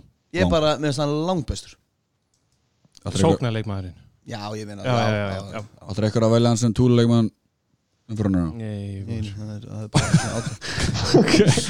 Herra, ég, veist, ég, ég heldur þurfum ekki að nefna meira þetta bara eina sem nýs leik var eða þessi monster quarter hjá, hjá hérna Já, í rauninni, Chiefs. og, Oakland eru ekki eins lélegur og við heldum Nei, það er, ég er sammála Það því er klálega uh, Höldum áfram. Uh, Saints Rams, þetta var revenge game sem átti að vera eitthvað svakalegu fyrir uh, Saints en uh, Drew Brees meðist hann er átt í átta vikur eða ekki? Uh, Drew Brees. Já. 6 til 8. 6 til 8 6 til 8. og uh, Cooper Cup átti sturla touchdown. Nei, Nei. fyrir ekki að run upp völlin sem hann stoppaði á one yard line. Um, Já, svo náttúrulega dómarinnir Ég meina, það er í mennskim Dómarinn segir bara, þið er ekki að fara að hefna neins nei, nei, það, græði það alveg með þessu kóli hana. Þetta er náttúrulega, þetta er, þetta fáránlegt að dómara láta ekki leikin halda áfram að þetta er sem sagt, það var hvort það var fumble eða, hérna, incomplete. Og hérna, Saints fara upp völlin og skora vörnin og í staðin fyrir að leiðum að skora og skoða þetta síðan þá flautar þetta dögt og svo komið ljósa að það var þeim. Þannig að þeir eru með boltan á tíu orða línun í staðin fyrir með touchdown. Og það er líka margótt búið að ræða að þeir eiga ekki að gera þeir eigi ekki að gera þetta. Það er búið að fara sérstaklega yfir þetta með þeim að þeir eiga og að var leiknum að ganga. þegar þetta gerist held ég. Þetta er alveg fánálegt þetta er bara, þetta er til skammar og hérna, og, já, en hérna en, en ég held samt að þeir eru alltaf tapað þessum leik og hvort sem að hérna eða, ég veit ekki að er ég held að Drew Brees er já. spilaði runni sko, er og Brís hefði náttúrulega aldrei meðist ef þetta hefði gerst Butterfly effect það er alveg hægt að segja það. Já, maður veit aldrei Já, Nei, annan það, það kast hefði aldrei gerst Aron Donald heldur fyrir höndun á Brís ef þeir hefði skorað þarna þeir hefði ekki fengið boltan á sama stað og svo framvegis Ég laki til þeirra næsta þáttar sem við byrja að tala um þetta butterfly effect uh, en, en náttúrulega Teddy Bridgewater kemur inn og svo kemur umræðan Taysom Hill vs. Teddy Bridgewater Hvernig maður sé Teddy Brís Tim? Mér finnst hann ekki góður. Þetta, þetta var vandrarlegt. Hann er launahæsti quarterback í deildinni sem er backup quarterback. já.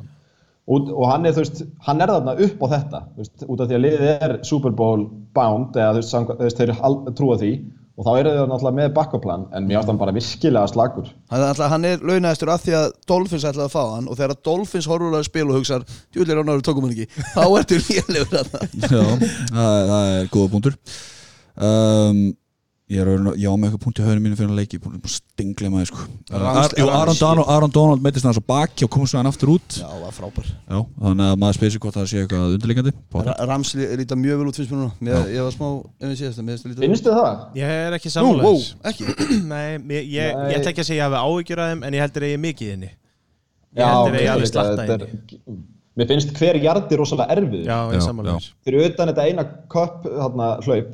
Er þá finnst mér þetta eitthvað svo þetta er eitthvað eins og þetta sé allt í handbremsu. Já, þeir þeir eru að sókna yfir sig. Þeir eru svo mikið svona að vera eitthvað svona prófa eitthvað nýtt, fatti hvað ég við Það skilur svona, svona sjóma kveia yfir sig Eða ekki bara bara stórið Jó, já, ok, ég Mér finnst líka Goff, hann, svona sumt er svo eitt kasti á hann sem hann bara hittir sko, hann er beint í fötuna og svo koma nokkur í rauð það sem maður er bara já, já, þú ert einn launahæsti kvortabækinn í deildinni. Og svo kemur aftur eitthvað alveg bingo kast frá honum. Mér svona, það vantar aðeins meira stability í hann, ég, ég, eins og ég segi, ég hef engar áhyggjur að þeim, en ég heldur ég alveg helling inni og ég sárvorkinni þeim sem dröftu Gurley í fantasy, af því að hann verður bara í þessu hlutverki, Já.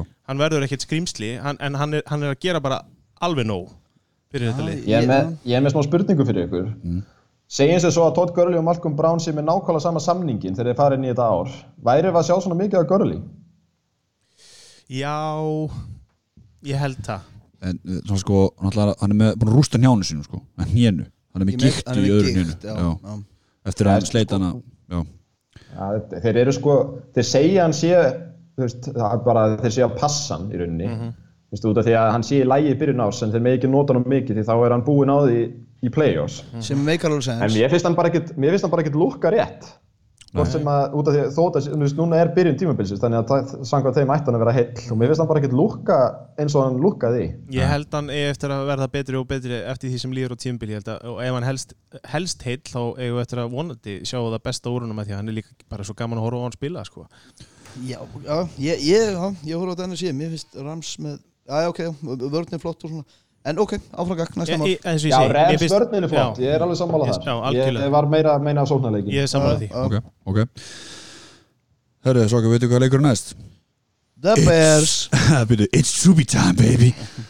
Um, Veitu hvað er ekki kikkar bölvun? Það er í Chicago. Ha? Eddie Pinheiro sparkaði 53 hjarta field goal for the win. Trubisky 16 hefnað tilrunir 120 hjartar Léleg Ein, fra... Einu sinni yfir tíu hjarta og það var síðasta pleið Býta aðeins. Léleg framistæði á mínum manni En það er sigur sem telur. Ekki satt? Mér fannst nú alveg með að hérna, sleppa því að kasta flaggja hann í lokin og þá hefði þetta farið aðeins öðru í sig Þetta er alltaf dómara skandal sko. Þetta er annar dómara skandalli ég, Mér finnst þetta búið, þetta gerist nokkru sinnum í þessar umferð í nokkru leikjum þar sem þeir eru að kasta hérna, personal foul eða, hérna, roughing the passer flöggum sem er bara djók. Já. Og ég heyriði um eh, sérst, þeir voru að tala um þetta í, í öðrum podcast þetta þar sem að, þú veist, af hverju í óskupunum er þetta ekki revi- reviewable dæmi? Af því að þetta er bara djók. Þetta bara kostar sigur. Sérstaklega sí, undir kannski síðustu tvö mínútur Já. Því ég er á mótið að meiri reviewa ekki- hérna, uh, passandi fyrir hins En síðustu tvær mínútur finnst mér bara annar mál. Mér finnst líka bara sko, allar einhver að segja mér í alvörinni að tíminn hafi ekki verið liðin á Allen Robinson? Nei, eins og hvað það er var ein sekundi eftir í Er- getur, erum þú, við get, sérst bara- þú getur vist ekki leikli sagt við dómaran hérna um leið og playið búið að tökja leikli Ok, Það er vist sagt ekki það. Já. En hvað segir Loka play maður. What a throw. comedy sko. Ég, Já, Tim. Já, ég veist, ég ætlaði bara að spá, er ekki skilgreiningin á þessu roughing the passer penalty að þú mátt ekki, hvað, setja allan þinn þunga á hann þegar þið er Jó. þetta er veist, þetta er svo erfitt. Þetta er bara svo ógeðslega erfitt fyrir leikmenn að gera, að gera það ekki, sko. En ég held ég hef aldrei séð neitt leikmann líta jafn ítla út eins og left tackle hana, í þessum í, hérna, í Broncos liðinu Sá Jesus. elsku drengurinn ég hef aldrei séð sko, makk átan lifandi allan leikin ég bara, ég sárvorkend honum hana ég hefði er round staðið pick, hana og tósa makk og tósa og tósa og tósa í makk og látið flagga með allan leikin sko. um, Annað sko sem er bara vandræði, það er Denver vörnin. Bradley Chubb og Von Miller er ekki ennþá konum með fell á árunni það er bara tjók. Það er ótrúlegt. Þeir eru búin að spila á móti Bears og Raiders. Raiders. Já, Raiders. einmitt, já, það er ekki gott. Um, Joe Flacco 50 tilunni 35 hefna 292 hjarta, 1 touchdown, 1 interception. Ég nefndi þetta bara til að koma inn á það ef við tölum eitthvað um Broncos. Um, Heilt yfir leðilega leikur þangur til lokamindri, punktur En ekki bara svona upp á framtíðin að gera, hversu miklar áhyggjur höfum samt ángríns af Trubisky? Miklar Þú veist, við, það þarf alveg að setja stórt spurningamerki við hennan gæja. Mm -hmm. Hver er backupinn hann það? Já, Blaine Gabbert eða eitthvað? Nei, nei, bara Nei. enga bættir annars þar Plain, Nei, þetta er Barkley. já, Já, Barkley. Er...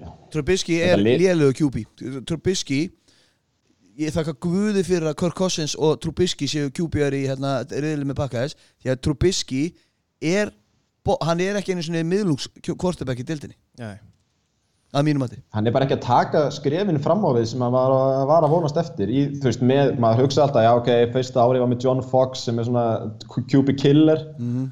En svo er hann með núna öðru árið sinni með Nagy og þetta fór bara aftur á bakk. en málega, Og hann, hann, hann átti fínt tímbili fyrra en núna eru bara alla varnir komin með eitt ár af playi með Nagy og Trubisky og þar hann miklu auðvitað að lesa þetta. Er ekki bara einu munurinn á, á Bears og, og Jaguars og það eru örlítið betri vopni í Bears heldur en hjá Jags? Betri, er kannski með betri líka sóknartjólar Matt Nagy er góður. Já, já. já, og það. Eina sem ég að segja þessu er Rómar ekki beður nóttu? Nei, en ég meina, en, en Já, ég meina ég skil þeir, kottið, þeir já. eru með vörn þeir eru með, þeir eru með bestu vörn í dildinni bestu vörn í dildinni Allen Robertson lítur vel út Þeir eru með David Montgomery og, hérna, og, og Tyler Cohen í bakvildinu uh, Taylor Gabriel og svona ok, láta slæta. Þá vantar bara miðlungs QB til að vera deep threat í playoffs. Og þeir Já. hafa hann ekki í dag. Lok, ég ætla bara svona til að klára þessu umræðu loki bara augunum og ímynda ykkur þetta lið sem treyta, þessu, í staðin fyrir að hafa treytað upp til að drafta Trubisky að þið tekið annarkvort Watson eða Mahomes. Já, einmitt, einmitt. Það væri, það væri gaman Já, svona er þetta bara, við bara við lærum liðum. Um, Það skiptir ekki máli. Sigurinn telur. Og hérna Chicago vannleikin, punktur. Það var á fugglastriðið að Falcons Eagles. Það var góðu leikur. Það er skemmtilegur. Setninga lengi í gang en það var mjög skemmtilegur. Já, og Falcons vörnin leit mjög vel út.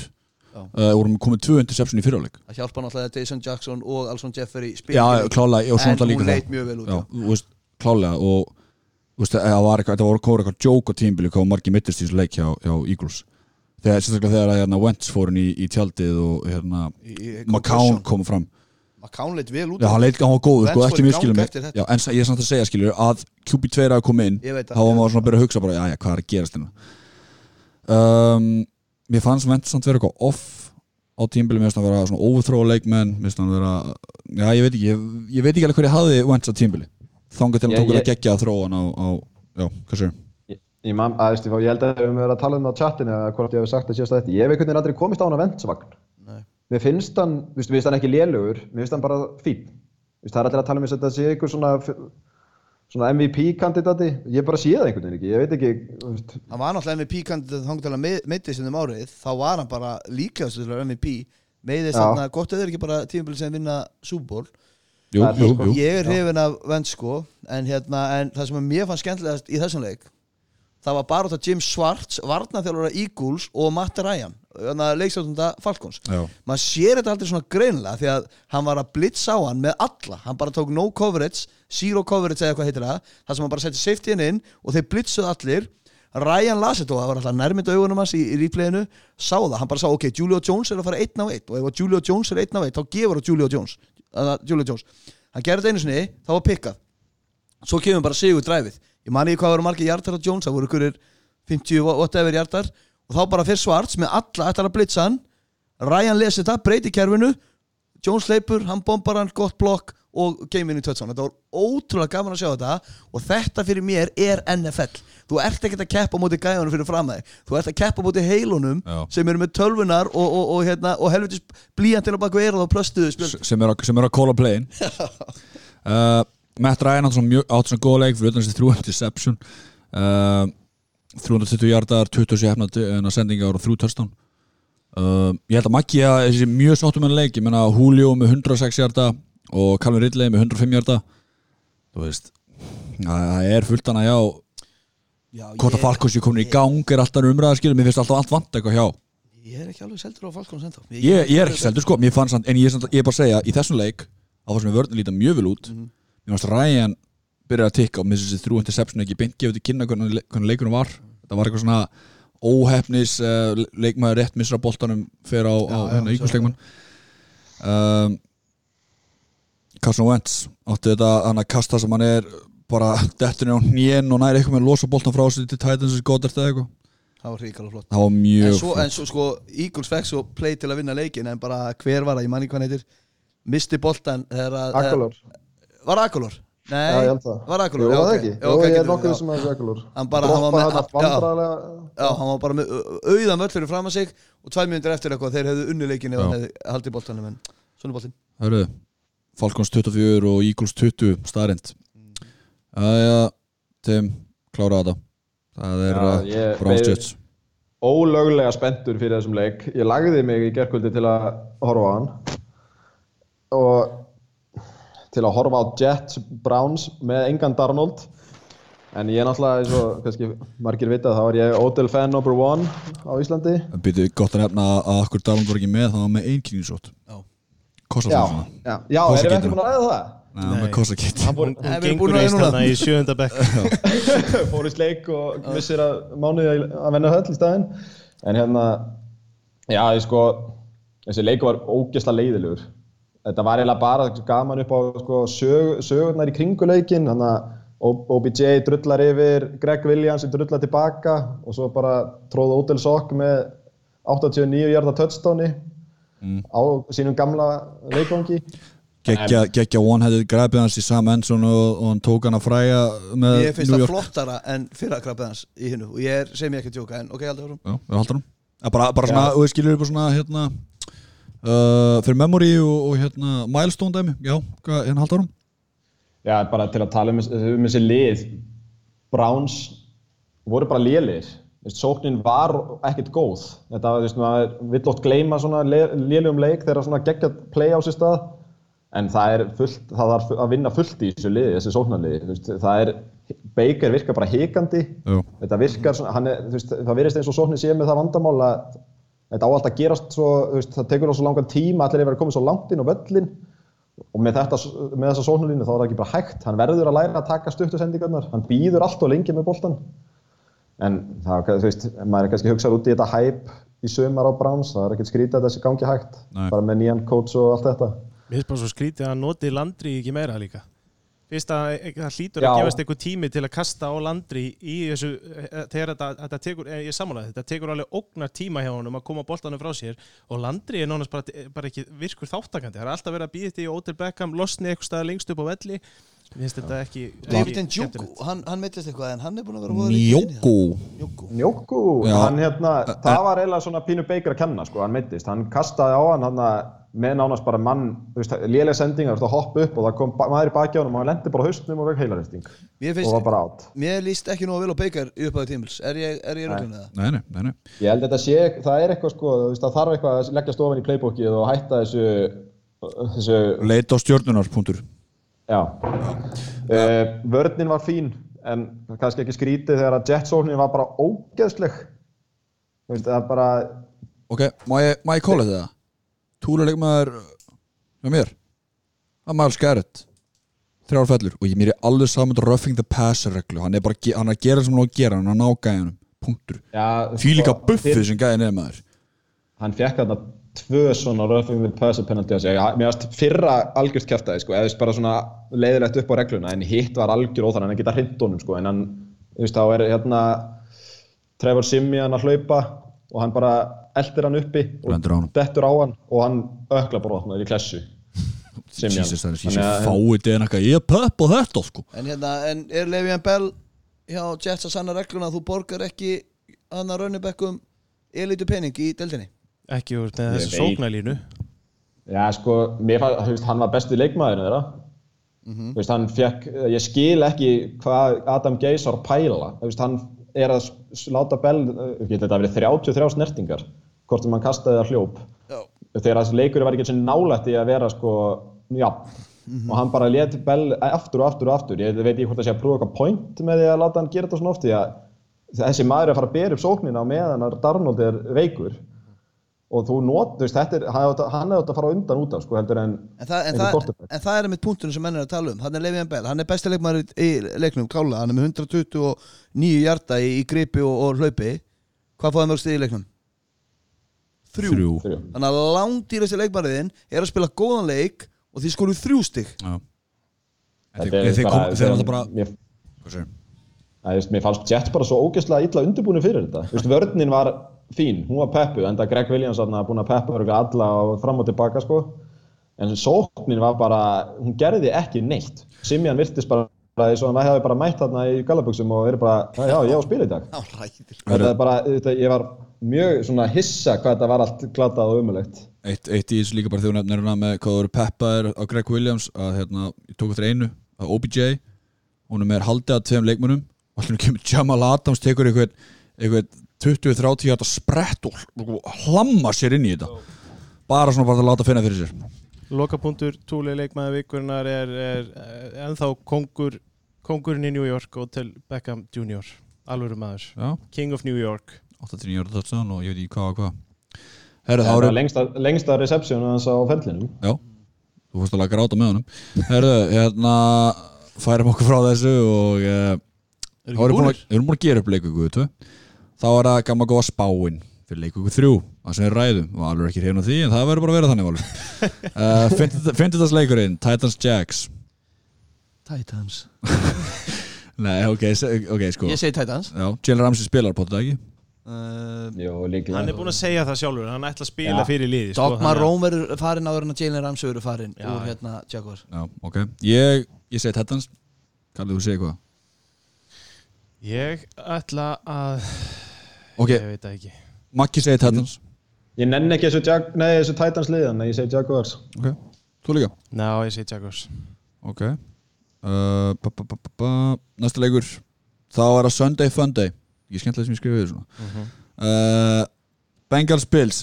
Easy. Bills. Allir Bills. Eru ekki allir á Bills eða? Lions Eagles. Hver er með, það er uh, allir með Eagles nema Maggi hann er með Lions. Þetta er ennum svo svona lítið eða? Nei, nei, fyrir ekki, ég er ekki að taka það. Ok, ok, skilur Róbert Ég ok, alltaf, já, bara höldum áfram. Ég, ég er spenntið fyrir Eagles, sko. Já, leiknum, ég, þú veist. Ég er spenntur fyrir þessum leik Hvar, hverju? Eagles þá? Já, Og spenntu fyrir liðinu en ekki leiknum. fyrir liðinu, ekki leiknum, já, sko. já ok, ég bara verður viss. Uh, Næsta leikur uh, Jets Patriots. Það er ekki bara sama góða, gamla góða útröðin hjá Patriots. Já, það verður rúst. Jú, þetta er bara svona eins og móti hérna Jets, nei, móti Miami segi ég. Held sko að línan hérna over-under línan sé komin yfir 20 á Patriots. Bara þannig að Já, þetta, þú veist, þetta Jets lið er ömulegt sko, þeir eru ekki skora stig. Nei. Án CJ Mosley er umlegur Hundur Já, það er bara, þeir þurfa bara quarterback. Já það. Treyta bara Nick Mullens frá 49ers til sín. Já það er bara Ná ég það náður í third round pick þar maður. Já bara sækja Kaepernick Þú veist að þú átt eftir að þurfa að bakka upp quarterback fljótlega kallið minn, hann er að slæka á. CJ Beathard. CJ Beathard maður. En að voru, Sögðu ekki allir Eagles? Nei við erum Jú allir nema Maggi. Maggi segir Lions. Já, já, hann er fullur í útlöndum hann er gefum honum það Hann er með eitthvað samfíslið í útlöndum. Það er ekki fullur út hann er bara í línu vilt kallið Ég, gle ég glemdi að segja Já kom eitthvað stress í okkur hérna? Wow hérna Bengals Bills Við sögum allir Bills. Máttu þú sagði líka Bills eða ekki? Já, Jú, jú, Æ, en hann langar sem ekki að segja Bengals sko Þetta svo mikið sko. Herru, Nei, ég segi Bills. uh, Jets, Patriots, það er allt saman Pats for okkur. Um, og Eftir að þið fengu Antonio Brown þá hef ég smá trú að Patriots. Smá trú. Heldur hann spili? Heldur hann spili? Ekki fucking Haldið að Brown fucking Patriots maður. Alltaf einhverja svara mér eða? Hann spyr, uh, ég, já, já, Já, já, já, ég held já. að ég held að spyr Ég er ekki viss. Nei, Hann það er ennþá, nei, það er ennþá að sjensa að þeir setja hann á, sérst í bann, NFL-dildin eru að tala við konunnar í allavega Já. aðra konuna í dag eða í gær. Þannig að það er bullandi sjens á það að hann bara megi ekki spila um helgina. Bara þannig að þið hafið það á bakveira já, ok. Þá segir ég Jets Nei. uh, ok. Þá er það næstir leiku það er Oakland Raiders uh, Minnesota Vikings. Vikings og heimaðalli Vikings og línuna bara. Já, við segjum allir Vikings. Þessi leikur gæti fara svona 3-3 Það, ég, þú veist, það er einhvern veginn, ég finnst báðar vartirnar fínar í þessum, eða þú veist, mér finnst alltaf vækisverðin geggjuð og reytasverðin er búin að vera peppu, sko, og ef að þeir ná að halda að kúka eitthvað niður í þá Þetta er alveg bara verið bara ógeðslega leðilegt Næ, þeir eru samt ennþá með Thielen og Diggs sko, og þetta er á heima allir Vikings og, og Cousins er betri heima er ég nokkuð viss og ég hef ekki statur frammi. Þetta verður örugur sigur Vikings. Já, Já. ok Ég er ekkert sem eru örugur Ég held bara að Vikings taki á, Já, já, já, höldum áfram. Uh, Það er næsti leikur, leikur umfyrirna Það er uh, Chiefs Ravens. Það er hörkuleikur Það er, já. Við alltaf eitthvað að segja túrleikur umfyrirna Já, þetta er túluleikur um Frá þér, eða? ah, Jú, neð, jú, jú, ég segi frá mér líka, jú, túluleikur um hennar Þetta er báður að segja það Já, ég meina það er ekki mjög margir þannig. Þetta er ekki, þetta er ekki seldur á þessu Við, er, við spáum allir Ravens ekki Nema þú, þú segir Chiefs. Ég af hverju er hleyja því því ég segi Chiefs? Það er ekki hleyjað því Ég, ég, Hvað ég segir var þú, að hugsa um að Ég fann bara ekki skjalið að breyta þessu sko. Ég, byrju, hæ? Já, þeir eru að hlæja mér fyrir að velja Chiefs. Já, ég segi Ravens. Þetta er á heimaðalli Chiefs og þeir halda shit, getur við hægt að vera svona peppa fyrir Ravens? Nei. Ekki séns Ef þetta væri Bills þá myndi ég segja Bills. Maggi, Kalli og, og svo svo þessi skjálfæst Maggi, Kalli og Biggi segja Ravens ég og Tim segjum Chiefs og það var hleyjaði mér og Tim þannig að það sé bara skjálfæst hérna. Maðurinn í trúbíski búningnum Hann hló framann í Veistu, Ég mun bera þessu biskitreyju í gröfina. Nei, ég, sko, ég er, ég er ekkert seldur á reyfins Svo erum maður ekki að setja smá krydd í, í súpuna eða Ég bara held að reyfins geti unnið hennar leik. Jesus, ég, ég held ég hef heyrt þetta frá ömmu minni síðan Við setjum smá krydd í Hvaða, hérna, hvaða krydd er það? Að þú tippur á Ravens. Hvaða krydd er Ég held bara að reyfins geti lappað yfir þessa Chiefs vörn. Ég held að það sé það. Og ég held að, að hérna, reyfins vörnin sé betri en, en við gerum okkur grein fyrir. Ég er bara, ég er bara að segja Já, ég, ég, ég er samt í Kansas sko. Háarast af öllu deildarinnar. Já, Já. Arrowhead Stadium. Að vinna stórveldi hinga til hann jú, ég skildi alveg hjá okkur. Já, nákvæmlega Uh, Vá, þetta var fyrir neða mittið maður. Við getum ekki allir giska á sömu liðin en það nei, neyður nei, allan lista nei, nei, nei, nei Nei, nei, þeir eru flottir, áfram. Colts Falcons. Uh, Maggi segir Falcons, allir sjokkið þar. Ég segi Falcons, allir sjokkið þar. Kalli, Falcons. Ég segi Colts. Já. Ég segi Colts. Já, já, já ég segi uh, Af hverju? Ég ætla að segja Falcons, ég er ekki nógu seldur á Colts ennþá Þú ert einn á báti. Hrifin af Falcons Já, ég, ég skal vera lone wolf Hvað ég, að skra súlu Nei, nei, ég bara hef það mikla trú á, á Colts-stiðin og organization og þetta er á heima alltaf þeirra en ég held að þið vinna það Ok, Ekkert galið. Ég held að Colt séu favorites í þessu leik líka Já. Já, ok Hólka á? Falcons Nei. uh, Green Bay Packers og heima þetta mútið Denver Broncos Green Bay Alltaf grímbi Ég segi Broncos Já, gott hjá þér Býtu Tim, Vá. hvað segir þú? Ég menn ekki þessum pakka, ég segi pakkas Pakkist bara með hvernig vörðin er að spila og ég held að sóknum verið betur með hverju viku pakkist eitthvað auðvitað. Það er ömulegt sko, að vera á, á flakko Broncos lestinni Ok, slagi á. Broncos þurfa að vinna ykkur tíma sko. Já, en af, Ekki Von- í af, þessari viku? Af hverju þurfa það að vinna einhvern tímann? Af hverju? Hvað er eitthvað Von, kvóti? Von Miller og Bradley Chubb þurfa einhvern tíma að ná sex ekki satt? Og hafa eitt mann að láta Kortebæk fömbla Þeir þurfa þess ekki, nei, Nei, Það er þeir ekkert í munu. dildinni sem að segja Heyrðu, öll lið verða að vinna einu Nei, ég er ekkert að segja það Valur. Ég er bara að segja á einhvern tímpúti mun að koma fyrir þeir muni sakka en og ekki fá á fómbúl útivelli gegn pakkas í þriði viku. Nú, akkur ekki Ég sagði, ég hlakka svo til að hitta þið næst. Já, ég, ég er ekki beðið Og sko. ég hlakka sem ég meira ef þið vinna. Ef að bronkos vinna Ef að Bro- ef að Broncos vinna, þá mæti hann að bera neðan. Ég held að Já, sé líklega að Sean Watson hætti í NFL-dildinni eftir þetta tímabil. Glendur inn að Joe Flacco vinni hennar leik. En það Við alltaf með pakkas ef að þú ekki Já, eru Broncos vinna þetta? Eru, næsti leikur, hérna Dallas Cowboys, Miami Dolphins. Uh, Maggi segir Cowboys, ég segir Dol Nei, Cowboys Þið, Hvað er Ég að ætla að nota hérna rökin að ykkur lið þurfa að vinna. Þið eru að taka svo mikið úr samhengi Þið veitir hvað ég á við að þessi lið Einhvern tímpúti vinna lið leikiskilu og einhvern tímpúti á hyggsta Já. liðskilu Boltinn skapar stundum í vitlis átt, það er alveg rétt. Tjúl er þið leiðileg maður Kábæst taka þetta auðvitað.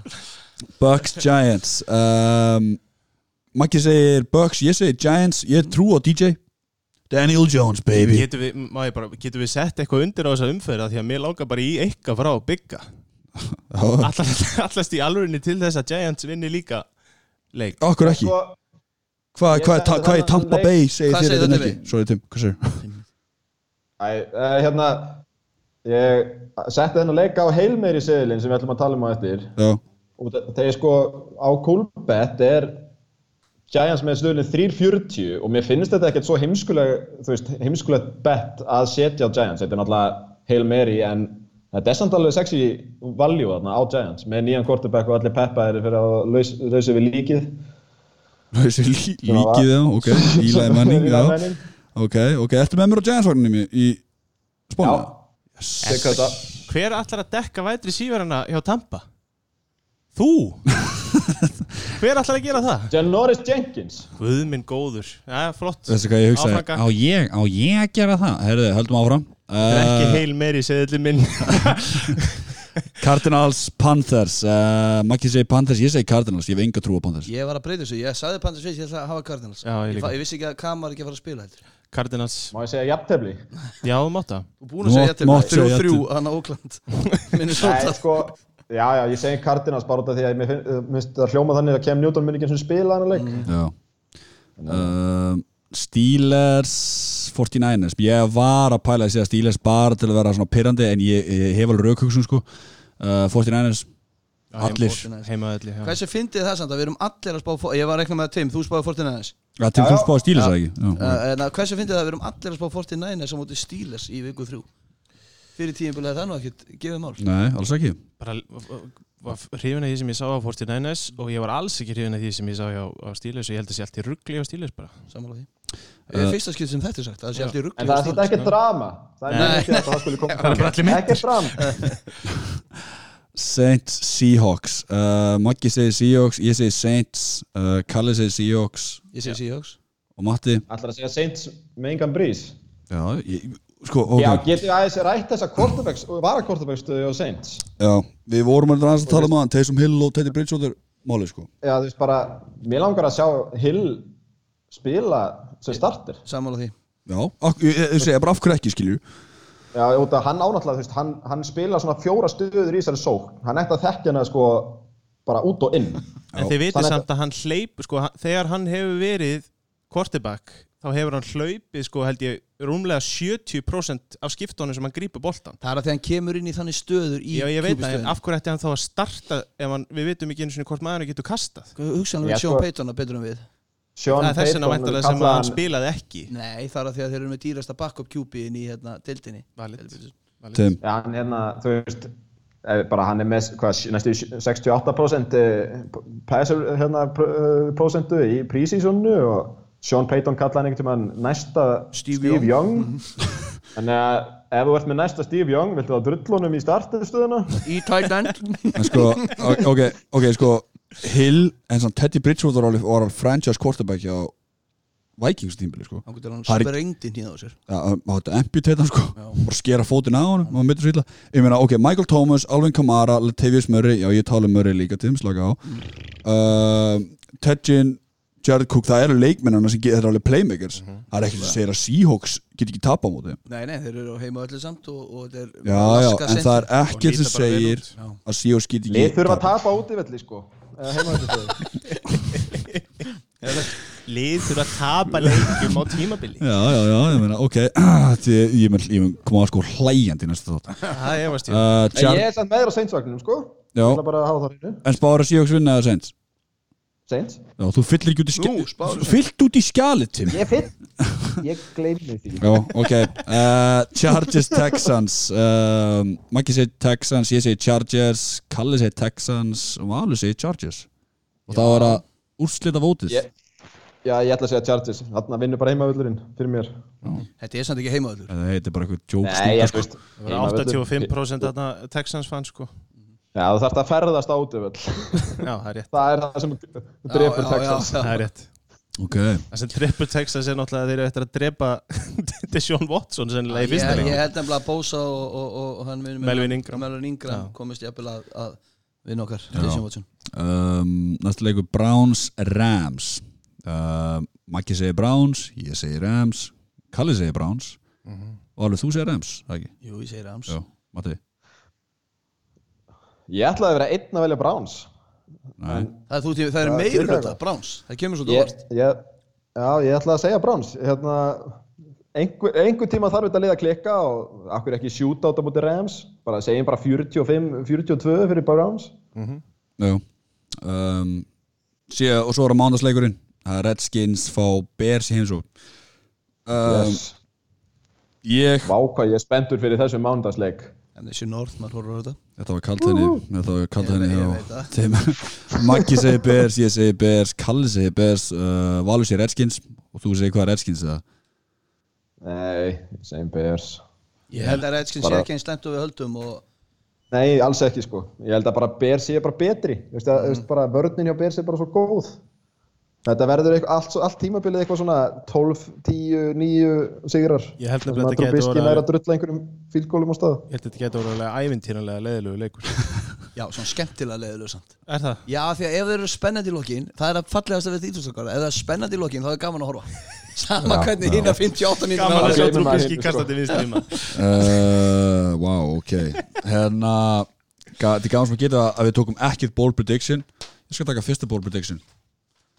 Þrjú touchdown 250 hjarta frá Mitch Trubisky. Mér fannst bara fyrir eitthvað hjá þér að- að að segja að Denver myndi vinna Packers. Já, góður. Það er að okkur Herðu, hérna Hail Mary segillin okkar Þessa vikuna. Hvað er á að tala um? Við tala um Giants. Já, byrju, ég var hérna komið með þetta. Þetta er góður sigl fyrir Hail Mary. Ég held að stöðlinn hafi endað á hvað 36 og þetta er samt bara fjóri leikir sem ég sett á hann. Ok, hvað? Giants? Ég, ég með þetta. Giants, og, Giants er með þrí, á 3.40 á útivelli á móti Tampa Bay. Ég setti Texans á móti Chargers. Ok, það var 2,53 Broncos með plus 8 í hérna spread. Setti ég á móti Packers þannig að ég er hérna með þér í liði greinlega einhvern veginn þurfa þessi lið að vinna. Uh, Góður. og svo setti ég á Falcons 2,15 á móti Colts þetta er allt liðið á útivelli sem ég betta þarna og, stuðlinn endaði í 36,06 á Coolbet. Þetta er, tek það fram að ég ger þetta á Coolbet. Plus 8 því þá að Denver fær 8 stig í forgjöf fyrir leik. Já, Já. Já. Um, ok. Ef það er einhver þrjú liðstrókar sem við þurfum að benda á sem var safe go to dæmi komið til henda á. Í vikunni? Já, Patriots. Patriots, Packers. Og ég myndi segja Patriots myndir það myndirðu taka fórgefuna 22 Patriots? Já, Býtu ég myndi gera það. Alright. Nei, ég- Ég heldur takk ég, þetta er division og leikur sko Ég veit ekki. Jet, á, er á að Coolbet er quarterback 19,5 hjá Jets, sko. Já. Hvað segirðu? Tim? á Coolbet er það 19,5 Já, ég myndi taka það. Forgjöfun, já. Þessi, þessi vörn er ekki að fara að fá sér stig hjá þriðja quarterbacknum hjá, hjá Jet ef hann lifir þetta af sko. já, Ok, Ég myndi segja kann Nei, ok, kann, kann, kann, Ég myndi segja en það er samt, það segja ekkert að setja á. Patriots einhvern veginn. Hvað sé- hvað séu? Nei, Value er bara svo lítið í Patriots þú veist, þú ert með Já, þú verðum að velja solid leiki. Þetta er mjög erfið vika. Já, Þetta er Þetta er mjög erfið vika Þannig að ef þú ætlar að taka solid þá ertu bara að fara að enda með 1,17 í stuðul sko. Þú ert að fara að taka Patriots.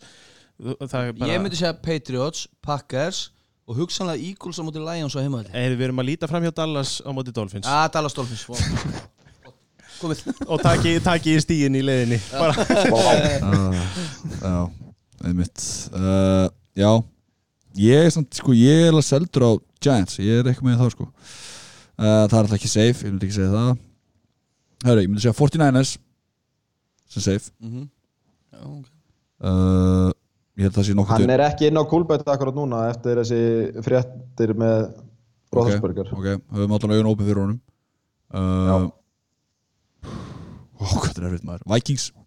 Ég vil segja Vikings mot Oakland að því að einhvern tímbúti munum Vikings ég meina Kirk Cousins mun einhvern hendi 250 hjörða ég veit ekki, ég er bara trú á þessu. Uh, þú veist, ég, maður, þetta er 16 leikir punktur. Uh, og Eagles vinna. Mega sens ég veit ekki hvað stöðun á þessu Fullkomið. er en þetta er mitt safe go to demi Góða segir, herru þá er okkar uh, uppgjör á leikingu 2 lokið og uh, spá fyrir leikingu 3 Við erum takk fyrir kælaði fyrir að hlusta. Án ykkar að væri þetta ekki hægt að halda upp í svona frábærum komiskum þætti sem tíu jörðan eru. Það sem allir eru vinir og uh, við erum sérfræðingar á ykkur hát um NFL en kælustundi ég vil takka þér kælaði fyrir að hlusta og strákar takk kælaði fyrir komuna þannig að bara þangur til næst, takk takk, bless bless